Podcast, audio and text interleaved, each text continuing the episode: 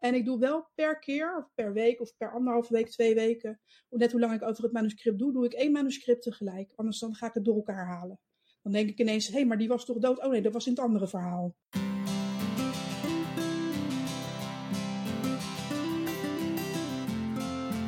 Hoi, welkom bij Schrijfpraat, de podcast. Wij zijn Emmy en Kim en in deze podcast praten wij over schrijven en over alles wat daarbij komt kijken. We spreken boeiende gasten, behandelen interessante onderwerpen en we drinken thee en koffie. En we lachen, dat ook. Vooral om onszelf en onze eigen valkuilen. Want boven alles is schrijven gewoon leuk. Even een kleine disclaimer. Omdat wij de podcast op afstand, dus online opnemen, is de geluidskwaliteit niet van studioniveau. Maar hé, hey, het gaat om de inhoud, toch? Hallo iedereen. Welkom terug bij Schrijfpraat. Um, Emmy en ik hebben vandaag weer een heel leuke gast bij ons aan de schrijftafel. En dat is Sabine Maurits. En uh, zij is uh, redacteur. Ik ken haar ook, ik weet eigenlijk niet eens precies, volgens mij via Instagram, maar ook inmiddels doordat we af en toe uh, werk aan elkaar doorgeven of suggesties doen of elkaar om raad vragen. En dat gebeurt op een hele fijne manier, vind ik. Um, ja, misschien wil je jezelf ook even introduceren. Zeker. Ik ben dus, uh, nou ja, eerst in instantie, uh, dank jullie wel voor de uitnodiging. Superleuk. Ik ben dus Sabine. Ik ben freelance redacteur. En ik redigeer uh, fictie en verhalende non-fictie. En dat doe ik voor schrijvers die zelf willen publiceren. Schrijvers die een uitgever zoeken. Want het is heel belangrijk om een goed manuscript bij een uitgever neer te leggen. Zodat je kansen het groot zijn om daadwerkelijk uitgegeven te worden. En ik redigeer ook voor uitgevers. Um, ja, wat kan ik verder nog vertellen? Ik denk dat dat het wel een beetje was. Ik uh, vind het heel leuk om te lezen, maar ja, welke redacteur vindt dat niet leuk? Dus ik ben heel blij dat ik. Uh, echt waar, Kim? Ja, we hebben toevallig net over, we gaan over, over, over, lezen en schrijven en hoe noodzakelijk dat is. En uh, daarin heb ik moeten toegeven dat ik buiten mijn werk om bijna niet aan lezen toe kom. Maar dat ja, is denk ik meer een uitzondering, inderdaad, precies wat je zegt. Oké, okay. leuk om te weten. Ja, dan moet je vooral even aflevering 46 luisteren als je daar meer over wil weten. Want ja. uh, daar heeft Kim het hele verhaal uh, inderdaad. Het is wel grappig dat je er dan nu precies uh, zoiets over zegt. Terwijl we net vorige week die aflevering hadden. Hey, maar superleuk. En ik, ik ben dus echt heel benieuwd. En het is ook wel gek, want ik heb het ook nog nooit aan Kim gevraagd. Maar hoe word je redacteur? Hoe, ik bedoel, ja, soms hoor je mensen die hebben dan een studie Nederlands gedaan of zo. Of ik, ik weet gewoon helemaal niet hoe je dat wordt. Uh, nou, ik heb geen studie Nederlands gedaan. Ik heb hoger laboratoriumonderwijs gedaan. Ik ben jarenlang research analyst geweest op een lab. Dus echt een totaal andere achtergrond. Ja. Uh, maar ik vond lezen altijd al heel erg leuk. En nou, hoe lang geleden inmiddels? Ik denk bijna tien jaar. Misschien iets langer zelfs al. Vroeg een vriendin van mij, Cookie van Dijk, die vroeg van... Uh, ik heb mijn boek al laten redigeren. Um, het wordt bijna uitgegeven, maar ja, jij leest heel veel en ik zou het fijn vinden als jij nog eens even een, een blik werpt. Dus uh, nou ja, ik kreeg het hele manuscript op papier kreeg ik thuis. Dus ik ging er met mijn uh, rode balpen doorheen.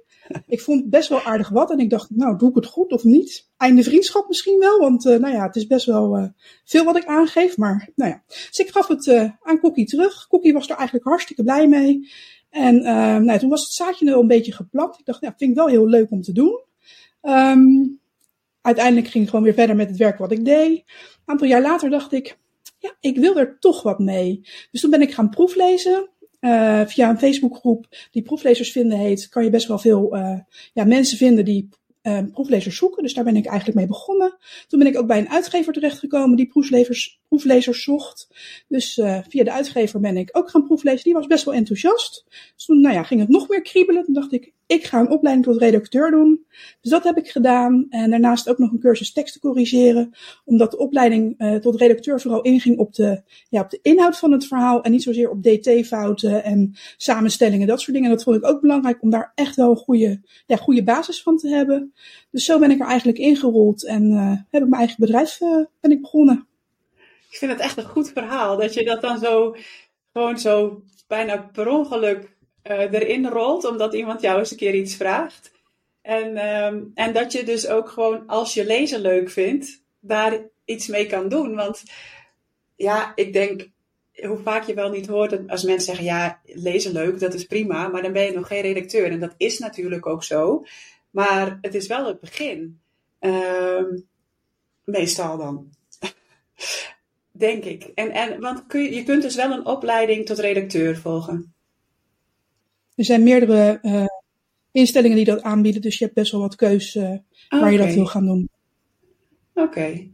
Nou, leuk. Ik, ik vind het echt heel leuk. En dat je dan ook, want het is best ook wel een stap, denk ik, om daar dan je eigen bedrijf in te beginnen. Hoe was dat? Was dat spannend? Of was dat, dacht je, nou, dat komt wel goed? Of had je al iets opgebouwd eigenlijk? Door het proeflezen had ik wel al ja, wat contacten met auteurs. En uh, het was natuurlijk rete spannend, want ja, je, je, je zegt je, je stopt met je vaste baan en je gaat voor jezelf beginnen. Dat is natuurlijk best wel een stap in een totaal ander vakgebied. Maar ik wist ook dat uh, het redigeren van boeken, dat wordt bijna niet in loondienst gedaan. Dus als ik hier wat mee wilde, dan, dan moest ik eigenlijk voor mezelf beginnen. En uh, ja, ik dacht, als ik het nu niet doe, doe ik het nooit niet. Dus ik ga het gewoon proberen. En wordt het niks, ik heb een hele andere opleiding uh, en daar kan ik altijd op terugvallen. Dus uh, in die zin uh, was, de, was de stap niet zo heel groot, maar natuurlijk is het eng en spannend. Dat, dat zonder meer. Ja. Ja, bij mij is het wel net iets anders gegaan. En ik heb journalistiek gestudeerd. En het grappige was daar dat eigenlijk iedereen er op pad wilde en interviews en op tv en radio en krant. En dat niemand daarna de geschreven stukjes wil nakijken. Terwijl ik echt alleen maar dacht, oh, laat mij maar lekker gewoon aan mijn tafeltje zitten binnen. En geef me al je stukjes aan mij. En, want sowieso vond ik de, de taal heel erg leuk. Maar het was, um, de eindredactie, sowieso was er niet eens een richting in. Op de school van journalistiek, wat ik nog steeds bizar vind. Want ze hadden wel een richting vormgeving. En dan denk ik echt, dat is een totaal ander vak. Maar goed, niemand wilde eindredactie doen en ik deed dat het allerliefste. Dus ik wist toen eigenlijk al, ja, leuk, die studie journalistiek. Maar ik denk dat ik meer het achter de schermen leuk vind. En toen ben ik daarna, omdat je bij, op de school van journalistiek heel kort en bondig leert schrijven en alles uh, natuurlijk uh, snel uh, moet, ben ik de schrijversvaksel gaan doen om me meer op het creatieve schrijven te richten. Dus zo ben ik eigenlijk door, um, ja, ik schrijf zelf ook, en door uh, die twee opleidingen samen ben ik redacteur geworden. Eigenlijk al vanuit de journalistiek dus. Uh, door gewoon eh, van vrienden ook stukjes na te kijken en zo een steeds groter netwerk daarin te bouwen. Want ja. Sabine, schrijf je zelf ook? Nee, ik schrijf zelf niet. Oké. Okay. Heb je ook geen behoefte aan of geen tijd voor? Of... Uh, tijd sowieso, maar ik vind ook van mezelf uh, dat ik niet zo heel veel fantasie heb daarin. Um, oh. Ik kan heel goed kijken wat een ander uh, zeg maar, moet verbeteren of kan aanpassen om het mooier te maken, om het spannender te maken. Dan kan ik ook echt wel suggesties geven. Ja. Maar echt zelf iets van nul af aan opbouwen, vind ik heel moeilijk. Um, ik zou wel bijvoorbeeld een keer iets over een, als een autobiografie willen schrijven. Ik heb best wel wat uh, nou ja, meegemaakt in mijn leven. Maar dan denk ik, ja, wat soort doel moet ik daar dan aan geven? En wat is dan het doel voor de lezer om dit te gaan lezen? En dan denk ik, ja, zonder doel of, of iets, dan heeft een autobiografie ook niet zoveel zin. Dus dan denk ik, nou, dan doe ik dat ook maar niet. Dus... Klinkt als gewoon beginnen. ja, misschien. Dan zou je dan zeggen dat je door je vak het misschien wel eh, zo goed bent geworden in analyseren en woorden afwegen, dat je daardoor um, een beetje gehinderd wordt in het schrijven? Of, of denk je dat gewoon. Kijk, het kan natuurlijk ook dat je geen behoefte hebt om te schrijven. En dan hoef je dat natuurlijk ook niet af te dwingen. Maar um, komt het ook door je redacteurenvak dat het lastiger is om dan zelf naar je eigen teksten te kijken? Ja, ik denk het wel. Want je, je, je weet gewoon eigenlijk waar je op moet letten. En op het moment dat je dan gaat schrijven, dan denk je continu, nee, dit is niet goed, zus moet anders. En je weet natuurlijk, weer raadt ook je auteurs aan. Lekker schrijven, ga in die creatieve flow en niet corrigeren, niet redigeren voor jezelf. Eerst op papier zetten. Maar dat lukt me echt niet. Dat is uh, aan mij niet besteed op dit moment.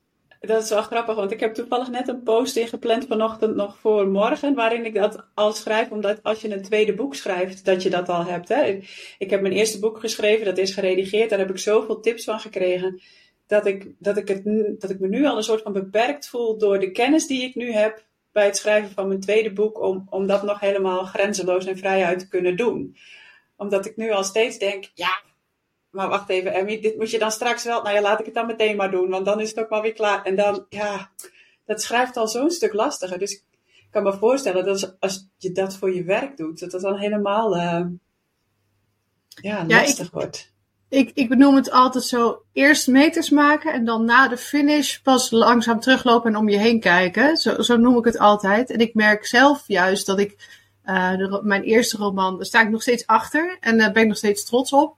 Maar het boek waar ik nu met uh, NaNoWriMo aan het schrijven ben, dat ik um, ook eigenlijk doordat ik elke dag met schrijven en schrijftips bezig ben, uh, ook weer heel veel geleerd heb. En ook weer het op een andere manier aanpak en daardoor juist misschien makkelijker schrijf. Maar het is grappig dat dat dus twee kanten op kan werken. Dat die, die kennis ja. achter de schermen.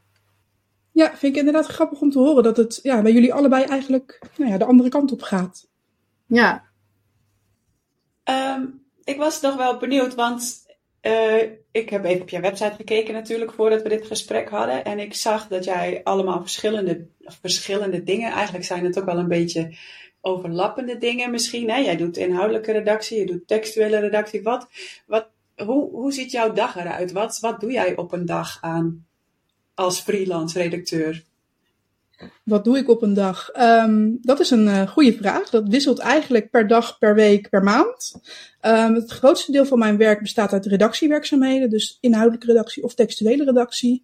En het contact daaromheen met auteurs. Want uh, vooraf heb ik vaak een kennismakingsgesprek. Achteraf bespreken we de feedback die ik heb gegeven. Kunnen de auteurs hun vragen stellen. Dus ja, dat zijn zeg maar, dat is de hoofdmoot van mijn werkzaamheden.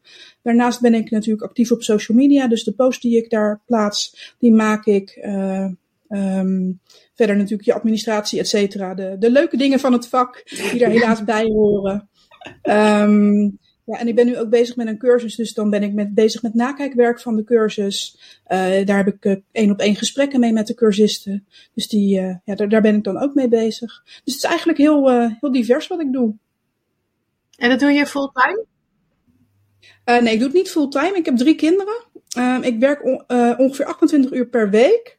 En daarvan is ongeveer 24 uur per week redactiewerk. Oh ja, nou, dat vind ik toch heel wat, toch? Ja. Je week met vullen. Ja. ja. klopt.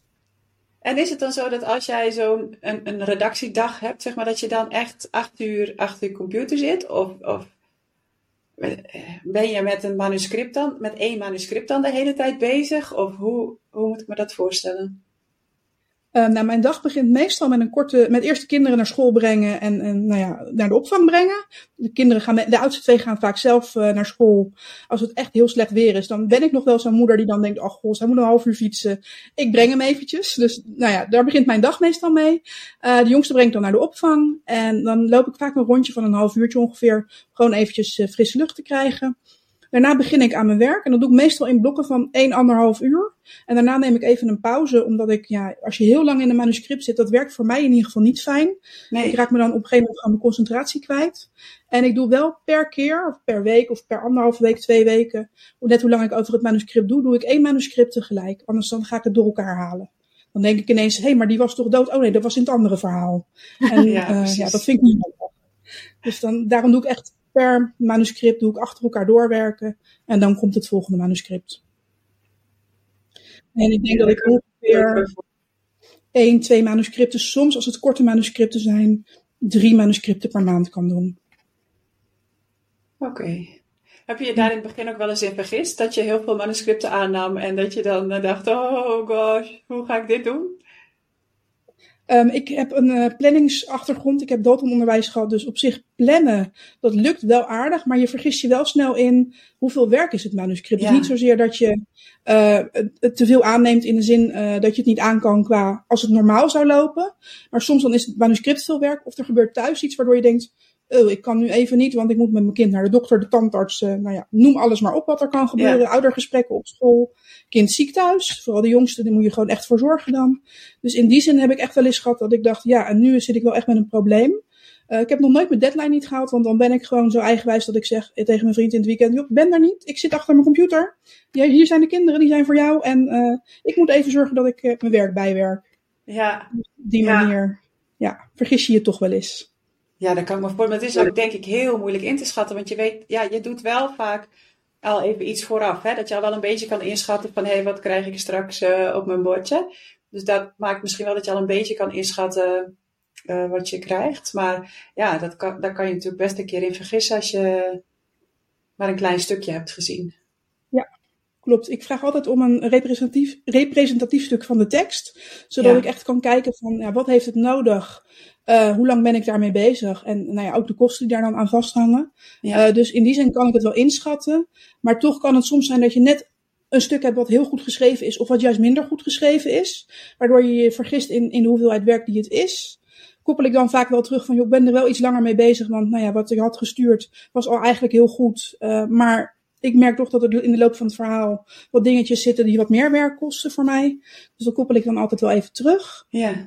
Um, ja, daar moet je gewoon uh, ja, mee dealen eigenlijk. Dat, is, dat hoort eigenlijk wel bij het freelance redacteur zijn. Ja, ja, snap ik. En ik, je zei al even de kosten die eraan hangen. Ik, wat ik zelf in mijn omgeving wel vaak hoor, is dat met name veel zelfpubbers zeggen: Ja, redacteur, ja, dat, dat kost zoveel geld.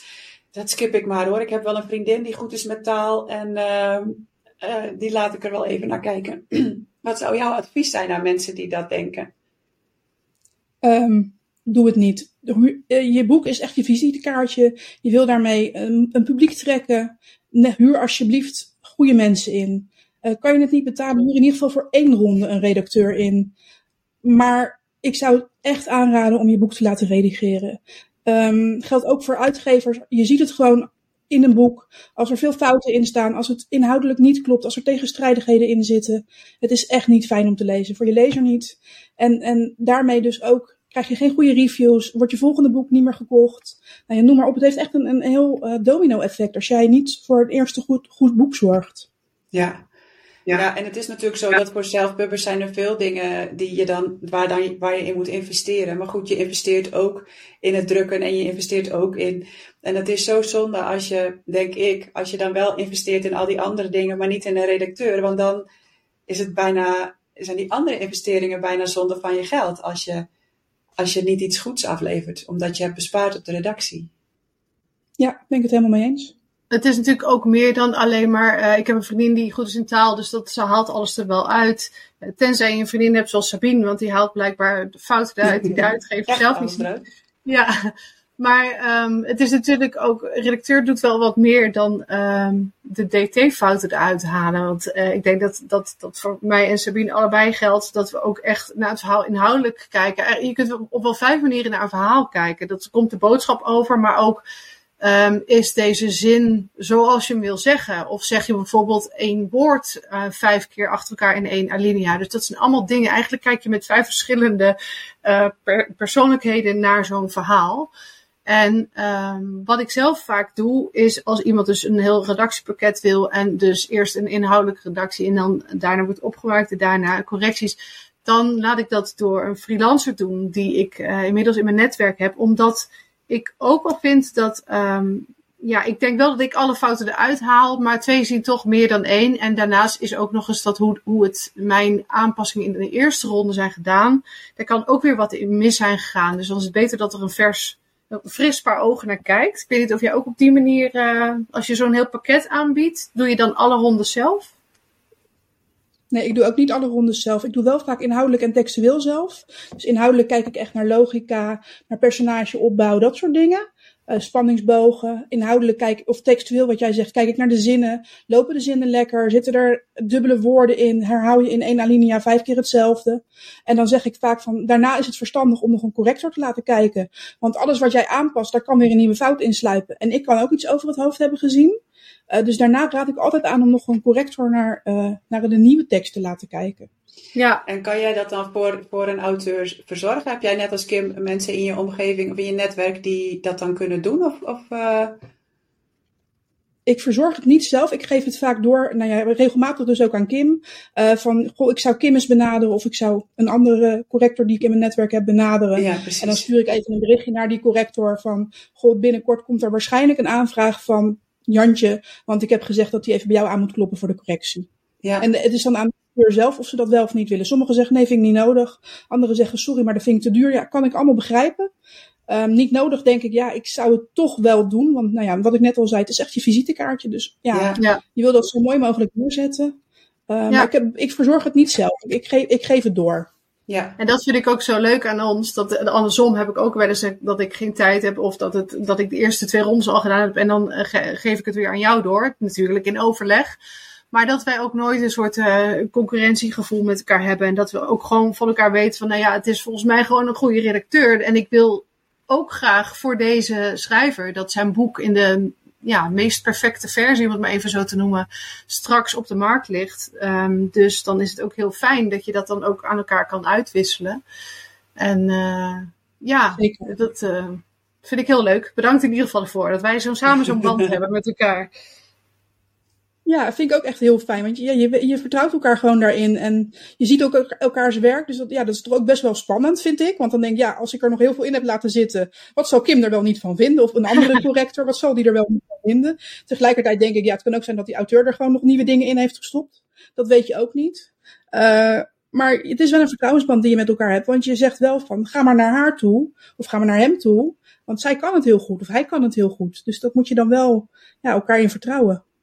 Dan moet ik wel heel eerlijk zeggen dat ik uh, tegenwoordig eigenlijk bijna nooit meer correcties doe. Tenzij het via jou komt en denk van nou weet je wat, ik, ik help nog even iemand. En dat is met name omdat ik um, eigenlijk net zoals jij gewoon zo intensief naar zijn tekst kijk. Uh, dat ik er meestal met een boek wel drie weken bezig ben. En dat, dat, uh, dat ik daar eigenlijk naast mijn andere manuscripten geen, geen tijd meer voor heb. Maar ik heb ook een aantal redacteuren dus die, die dat razendsnel kunnen. En die daar ook ja, iets, iets meer uh, op gericht zijn dan ik. Dus uh, ja, het is een heel fijn netwerkje eigenlijk van, van redacteuren.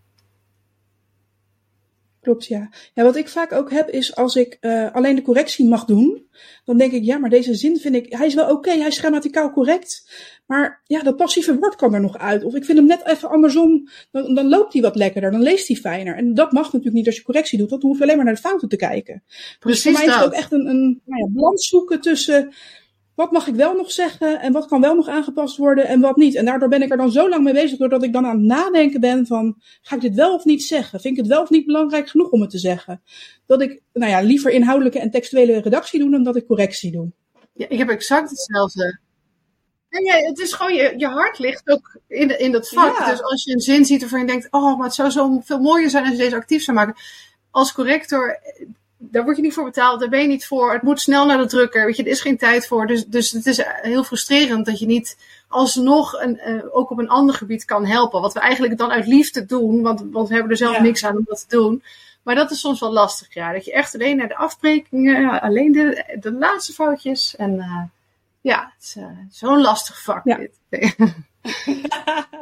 dat was superleuk. Ja, nee, dat, juist dat we het zo leuk vinden. Dat is het, denk ik. Ja. Um, ik ben ook nog wel benieuwd, hè? want je krijgt natuurlijk van alles voor je neus als uh, redacteur. Is er ook wel eens een manuscript waarvan je zegt, nou hier ga ik echt niet aan beginnen? Heb ik soms. Um, bijvoorbeeld als het politiek heel gevoelig ligt en ik het er niet mee eens ben met wat er staat, dan neem ik het niet aan. Um, ook met religie, als het echt iets is waarvan ik zeg, dat past niet bij mij, dan, dan doe ik het niet. Laatst vroeg iemand een keertje, die was uh, zelf heel gelovig. Uh, ik ben zelf niet gelovig en ik kan best wel prima uh, christelijke boeken redigeren. Dat vind ik geen enkel probleem. Maar als het echt helemaal met bijbelteksten is en zo, dan past het ook echt niet bij mij. En dan snap ik ook niet wat er staat. Dus dan kan ik je ook niet helpen. En verder boeken die geweld verheerlijken, kindermisbruik verheerlijken, eigenlijk de, ja, de gangbare dingen die we niet willen, die redigeer ik zeker niet. Nee. En dat is dan inhoudelijk, hè? Maar heb je ook wel eens dat je dan, want jij vraagt om een representatief uh, deel van de tekst, en dat daar dan al zoveel dingen in zitten dat je denkt, ik weet niet hoor, of dit, uh, of dit, ja, het is een hele slechte vraag natuurlijk, maar ik kan me dat zo voorstellen dat je als, als redacteur best wel eens iets voor je neus krijgt dat je denkt, ho, hoe ga ik dit doen? Uh, dat heb ik inderdaad wel eens gehad. Oh, Kim, jij mag ook eerst hoor, zeg jij het maar. Nou ja, ik, ik wil er dit bij doen, maar dat kan niemand zien. Want het is eigenlijk, ik, ik vind dat smullen. Uh, zeg maar, hoe meer, um, hoe, hoe slecht het is, even tussen aanhalingstekens, want dat is natuurlijk ook maar een mening, maar hoe meer ja. ik zie, hoe bij elk klein dingetje dat ik aangeef, dat manuscript met, met sprongen vooruit gaat. En in, in de meeste gevallen zo'n schrijver zelf ook heel blij is, omdat ze gewoon net de verkeerde handvatten, handvatten hadden. En dan zien van, oh ja, wat je zegt klopt helemaal. En dan zie je dat manuscript echt in een stijgende lijn omhoog gaan. En daar word ik heel erg gelukkig van. Terwijl een manuscript ja. wat al uh, van iemand die meerdere boeken heeft geschreven, waar ik misschien op bladzijde 50 één foutje zie staan. Ook hartstikke leuk. Maar ik heb liever die andere uitdaging. Oké, hoe is dat voor jou, Sabine? Um, ik vind het allebei leuk. Je ziet inderdaad zo'n manuscript echt groeien. Dat vind ik ontzettend gaaf om te zien. Um, en je kan ook echt iemand heel goed helpen daarmee. En wat ik dan vaak doe, is ook niet in één keer het hele manuscript, maar echt stukje voor stukje, zodat hij zelf ook aanpassingen door kan voeren in de rest van zijn manuscript. Zodat de persoon ook leert van wat, hij, wat ik doe. En het wel echt zijn eigen stem blijft. Want als je zelf als redacteur heel veel gaat aanpassen, ben ik altijd een beetje bang dat het meer mijn verhaal wordt dan het verhaal van de auteur. En daardoor vind ik het dan fijn om in, in hapjes te werken. Dus dan gaan we een heel ander traject in, uh, waarin je echt één op één met elkaar uh, het, het, manuscript verbetert. Wat ja, ik ook wel heel erg leuk vind. Wat Kim dan wel zegt van, uh, ik vind dat eigenlijk wat minder leuk. Ik vind het juist ook heel leuk om een manuscript wat echt wel heel goed is, om daar dan nog net een, een, een laagje bovenop te kunnen leggen. Om het net nog iets omhoog te kunnen trekken. Dat vind ik ook heel erg leuk om te doen. Dus ja, ja het kan allebei eigenlijk. Ik vind het allebei leuk. Ik ben het natuurlijk wel met je eens hoor, dat ik nooit um, iets zal zeggen om het, uh, dat, zodat het steeds meer Kim's werk wordt. Maar ik, het is wel, denk ik, ook wat hoort bij de, de passie voor ons vak. Dat, dat we niet zomaar willen zeggen van nou, dit eh, moet je zo doen en dat iemand niet weet waarom. Maar dat we het liefst uh, ja. in de kantlijn, uh, in het geval van schrijfbegeleiding bijvoorbeeld, schrijven, um, ook uitleggen waarom het dan misschien op een andere manier mooier zou kunnen zijn. En dan, en dan leren ze ook daar iets van voor hun volgende boeken en voor de rest van het boek. Ja. En daarnaast blijven ze natuurlijk ook altijd zelf de baas. Dus uh, als ze het er niet mee eens zijn, dan kunnen ze gewoon zeggen, nou nee, ik, ik hou van passieve zinnen. Dus ik zet heel veel passieve zinnen in een boek. Ja, dat moeten ze natuurlijk zelf weten. Dus we zullen, jij en ik ja. zullen allebei volgens mij nooit zeggen, luister maar eens naar de juffrouw, want ik ga jou wel eens even vertellen hoe je je boek moet schrijven. We proberen vooral richtlijnen te geven van hoe ze zelf ervan kunnen leren en hun eigen werk alsnog wel herkennen aan het eind. Ja, dat is wel fijn ja, als je terugkijkt en denkt, oh ja, dit heb ik geschreven. Ja, dat is wel belangrijk. ja. Um, en schrijven jullie dan ook, want ik kan me dat nog heel goed herinneren van de redactie van mijn eigen eerste versie is dat de redacteur toen ook af en toe opschreef: Oh, wat een mooie zin. Of Oh, wat leuk gevonden. Of, en dat was, ja, dat is misschien wel een trucje hoor. Maar dat is zo fijn voor een auteur om te lezen. Dat je denkt: Oké, okay, dit is fout, dit moet anders, dat is fout, dat moet anders. En dat je dan ook denkt: Oh, maar dit is wel goed. Hè, gelukkig. Ja, ik schrijf dat inderdaad er ook bij, maar dat is echt uit gevoel. Want dan denk ik ook echt: Oh, maar dit is echt leuk. Of dit is mooi. Of oh, de tranen lopen gewoon over mijn wangen. Wat zielig. En dat vertel ja. ik dan ook. Want ja, dat vind ik voor mezelf ook fijn omdat een uh, auteur dan weet hoe de lezer het ervaart. Ook de mooie stukken zijn belangrijk, juist belangrijk, want uh, je wil je lezer gaan raken met je verhaal. Dus ja, dan is het wel belangrijk om ook de mooie stukken eruit te lichten, dat die niet eruit gaan.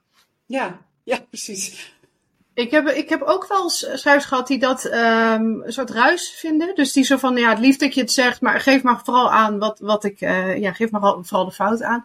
Maar ik vind het ook precies wat Sabine zegt, heel leuk om, uh, ook als ik eerder heb geschreven, um, probeer dit meer als een innerlijke gedachte te brengen. En daarna doen ze het zelf op die manier dan haak ik daar ook op aan. En dan zeg ik, kijk, hier doe je het heel mooi wat ik hier bovenop beschreef. En uh, ik heb laatst ook uh, in het boek van Marieke Roymans, had ze heel beeldend omschreven, een soort, een soort leverworst op de markt met allemaal kruiden. En, en ik ben vegetariër, maar ik kreeg er gewoon honger van. Dus dat heb ik ook bij geschreven van, nou, dit heb je heel mooi gedaan, want ik, ik krijg gewoon honger van, terwijl ik dit niet eens lust. Dus dat is denk ik inderdaad ook wel belangrijk, om dat af en toe even te laten weten. Ja, ja. ja. Een mooi voorbeeld ook. ja. ja, zeker. Oké, okay. um, ik zie dat we alweer uh, bijna een half uur aan het kletsen zijn. Um, Sabine, jij uh, hebt nog iets wat je weg wil geven aan onze luisteraars. Daar zijn wij natuurlijk weer, dan, dan ga ik ook in mijn handen wrijven, want daar zijn, worden wij altijd heel blij van. Als onze gasten zulke, want wij weten het stiekem al, uh, zulke toffe dingen willen weggeven. Maar ja, misschien kan je het zelf even vertellen. Wat heb jij voor onze luisteraars in petto? Ik heb in petto. Uh, je kan winnen twee keer een gedetailleerde eerste indruk.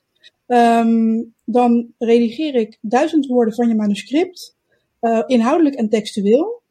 En uh, dan kijk ik bijvoorbeeld naar show don't tell, naar zintuigen, naar tegenstrijdigheden, herhaling, spelling en grammatica neem ik natuurlijk ook mee.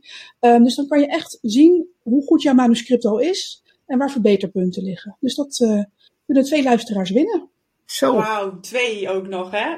Nou, mensen echt, als je dit uh, wil, hou dan even de post in de gaten. Uh, deze um, aflevering komt online op 28 november. Dus hou dan onze Instagram in de gaten, want uh, ja, eigenlijk hebben we dat bij de vorige ook al gedaan, maar vanaf nu is als er een gast is die iets weg wil geven, dan koppelen we daar een vraag aan in de post. Dus lees de post goed. Um, kijk wat volgens jou het antwoord is op die vraag en dan uh, maak je kans op twee keer een. Uh, dan moet je nog even zeggen hoe het ook weer heet. Gedetailleerde eerste indruk noem ik het. Je kan het ook een proefredactie noemen. Gedetailleerde eerste indruk. Ik vind dat eigenlijk heel mooi. Maar jij uh, had volgens mij nog iets ook, uh, Sabine. Ja, ik wilde ook nog zeggen dat als je mee hebt gedaan met de actie, maar je hebt niet gewonnen, dan krijg je korting op de gedetailleerde eerste indruk. Als je het mij voor 31 december laat weten dat je die gedetailleerde eerste indruk, ga er bijna zelf van struikelen, wil laten doen. En dan betaal je in plaats van 69 euro 47,50.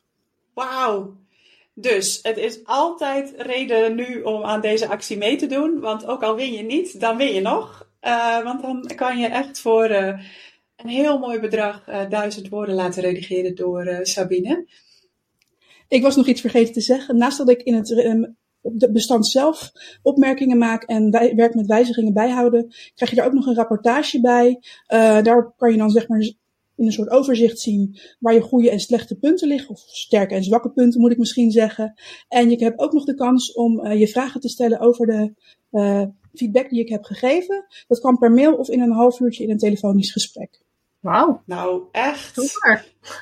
Het is altijd zo jammer met die, ik zeg het volgens mij ook elke keer, maar zo jammer dat we zelf niet mee kunnen doen met die acties. Nee, Emmy, je mag niet zelf meedoen. Alweer niet. je gaat zelf de vraag bedenken, dan mag je toch niet meedoen? Dat is niet nee, Nee, natuurlijk niet. Nee, dat is ook zo. Maar ja. Oh, nou ja. Um, en dan hebben wij natuurlijk nog aan jou ook de vraag gesteld van wat is je ultieme tip voor schrijvers?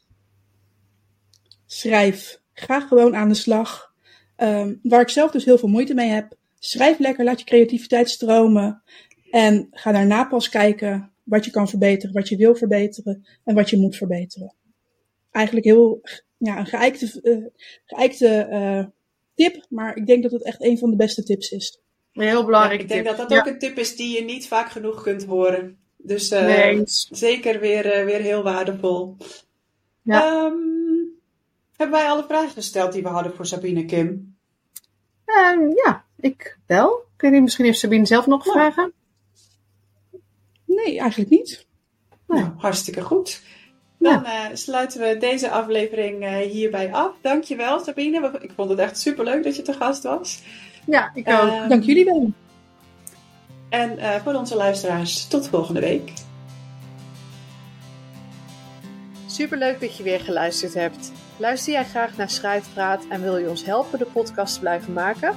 Dan kun je doneren via petjeaf.com schrijfpraat. Je vindt de link ook in de show notes. Met een review of een beoordeling op iTunes of Spotify help je ons hoger in de lijsten te komen en help je nieuwe luisteraars om ons te vinden. Deel de podcast ook gerust in je netwerk of op social media en tag ons dan even. Wij vinden het fantastisch om te weten wie je luistert. Heb je vragen of is er een onderwerp waar jij onze mening of ervaringen over wilt horen? Of is er iemand die jij graag als gast in Schrijfpraat zou horen? Laat het ons dan weten. Bijvoorbeeld via Instagram Kim-Linsen-auteur en Emmy de Vries.